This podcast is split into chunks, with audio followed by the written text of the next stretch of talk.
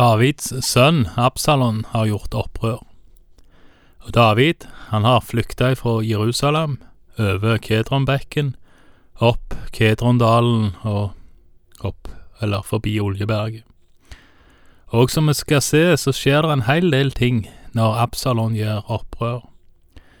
Og det virker som om at når, eh, når maktforholdene endres, så er det flere som kaster seg på. Og kanskje en kan si at eh, flere forsøker å reforhandle sin posisjon når nå maktstrukturene er mindre tydelige.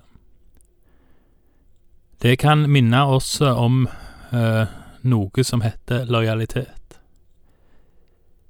De som er virkelig lojale, er vel de som står ved òg når makta eller posisjonen svekkes. Så som vi skal se i det videre, så er det flere som enten åpent eller på mer subtile måter forsøker å endre forhold rundt seg. Nå som maktforholdene i Israel er i endring. Den første er Siba, Mefibosjets tjener. Vi leser ifra andre Samuelsbok, kapittel 16, vers 1. Da David var kommet et lite stykke forbi toppen, kom Siba med Febosets tjener mot ham med et par kløvesler. På dem var det 200 brød og 100 rosinkaker og 100 stykker sommerfrukt og en skinnsekk med vin. Da sa kongen til Siba, Hva vil du med dette? Siba svarte, Eslene skal kongens husfolk ha til å ri på. Brødet og sommerfrukten skal være til mat for mennene og vin til drikke for dem som blir utmattet i ørkenen. Kongen sa, Men hvor er din herres sønn?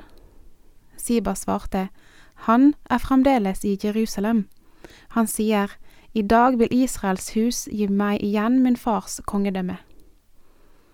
Da sa kongen til Siba, Alt som Mefiboset eide, er nå ditt. Og Siba sa, Jeg kaster meg til jorden, måtte jeg alltid finne nåde for min herre konges øyne. Hva som er sant, og hva som er løgn i det som Siba forteller, er nok vanskelig å avgjøre.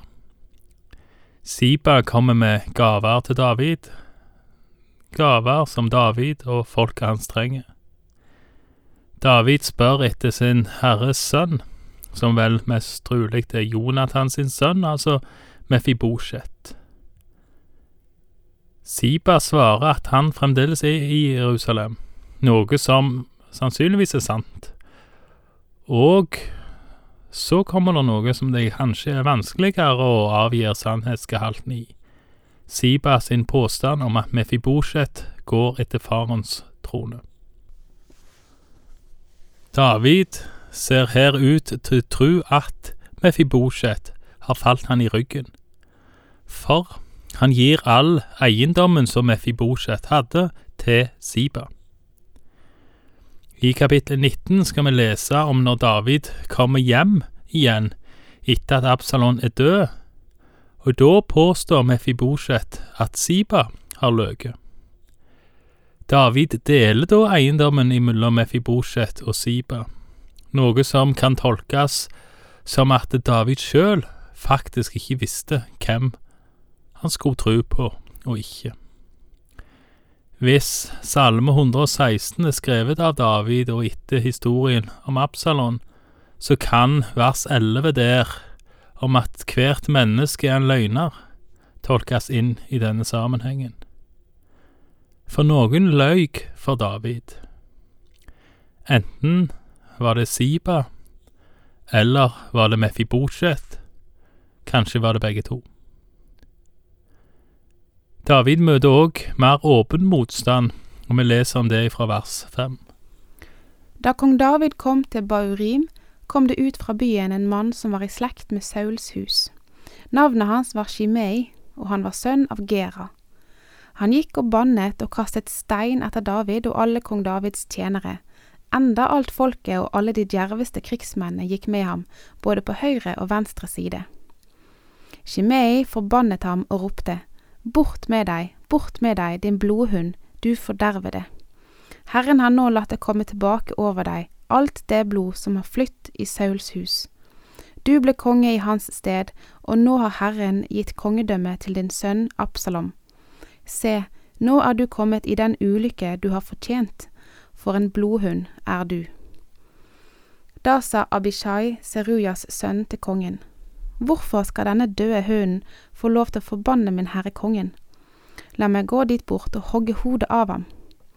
Men kongen sa, Hva har jeg med dere å gjøre, Serujas sønner?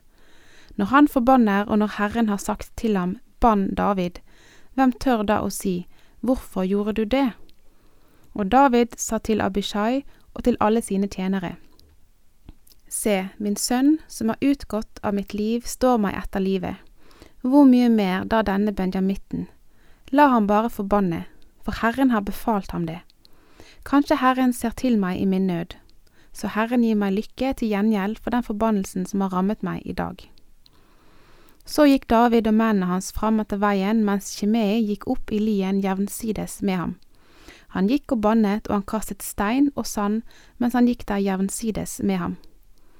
Kongen og alt folket som var med ham, dro inn i Ajefim og hvilte der. Det som skjer når denne slektningen av Saul angriper og forbanner David, er interessant. David konkluderer ikke umiddelbart med at han sjøl har rett, og at denne andre tar feil, i Guds øyne. David holder klart muligheten åpen for at det er han som tar feil, og at Sauls slektning har rett. David sier sjøl at når hans egen sønn, Absalon, står han etter livet, så kan vel slektningen av Saul, Saul som hadde tronen, òg stå han etter livet. La oss legge merke til vers tolv, der David ber om at Herren skal se til han og gi han lykke til gjengjeld. Her har nok vi òg veldig mye å lære, og ikke alltid være så raske til å dømme over hvem som har med seg Herren på si side, og hvem som ikke har det.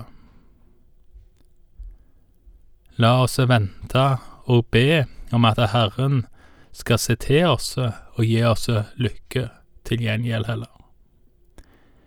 Mens David har rykka ut av Jerusalem, er Absalon med følge på vei inn. Vi leser videre fra vers 15. I mellomtiden var Absalom med alt sitt folk, Israels menn, kommet til Jerusalem, og Akitofel var med ham. Da nå arkitten Husai, Davids venn, kom til Absalom, sa Husai til Absalom, Kongen leve, kongen leve. Da sa Absalom til Husai, Er dette din kjærlighet til din venn? Hvorfor dro du da ikke med vennen din? Husai svarte, Nei, den som Herren og dette folket og alle Israels menn har utvalgt, ham vil jeg tilhøre, og hos ham vil jeg bli. Dessuten, hvem skulle jeg tjene? Skulle jeg ikke tjene hans sønn? Slik som jeg har tjent din far, vil jeg nå også tjene deg. Her gir Hussai som David har bedt han om. Han gir seg ut for å være en overløper, men er egentlig en spion og en oppvigler. Hussai påstår at Herren har utvalgt Absalon, og at det er derfor han bytter side. Absalon godtar tydeligvis dette, og slipper Hussai ganske langt inn i hoffet, faktisk helt inn på linja med Akitofel, Absalons rådgiver. Jeg synes det er litt spesielt at han tar Hussais ord for, holdt på å si, god fisk så enkelt, men det ser ut som han gjør det.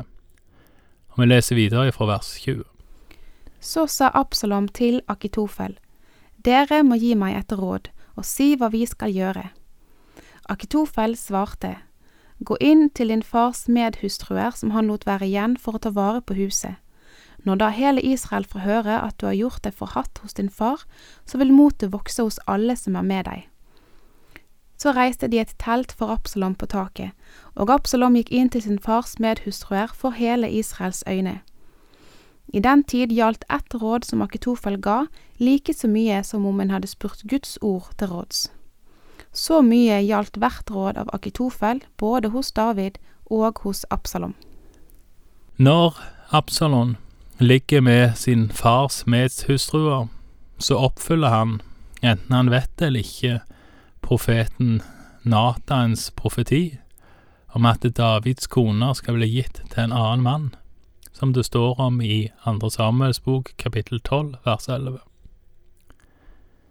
Og med dette så er vel alle Natans profetier etter Davids synd med Batseba oppfylt. Barnet som de fikk, skulle dø, og de gjorde det. Davids kone skulle bli tatt ifra han, og det er skjedd. Og sverdet skulle aldri vike ifra Davids hus, som det står i vers 10. Det verset ble vel oppfylt fra Absalons opprør, og gjelder vel slik jeg forstår det ennå. Det ser ikke ut til å ha vært fred i Davids hus etter denne profetien, og den freden skal vel egentlig ikke komme endelig før Jesus, som Davids etterfølger, skal sitte på hans trone til evig tid.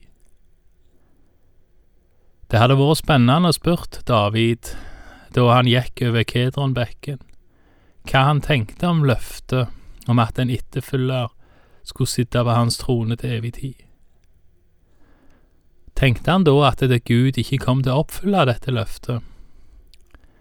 Eller tenkte han at Gud kom til å oppfylle det, og at denne veien til det løftet gikk gjennom Absalon, som var hans etterfølger? Eller tenkte David at han sjøl skulle komme tilbake igjen på trona? Det får vi ikke svar på nå. Men, som vi har lest, maktforholdene i Israel, de var skifta, og Absalon er nå den som regjerer. Takk for i dag, og Herren være med deg.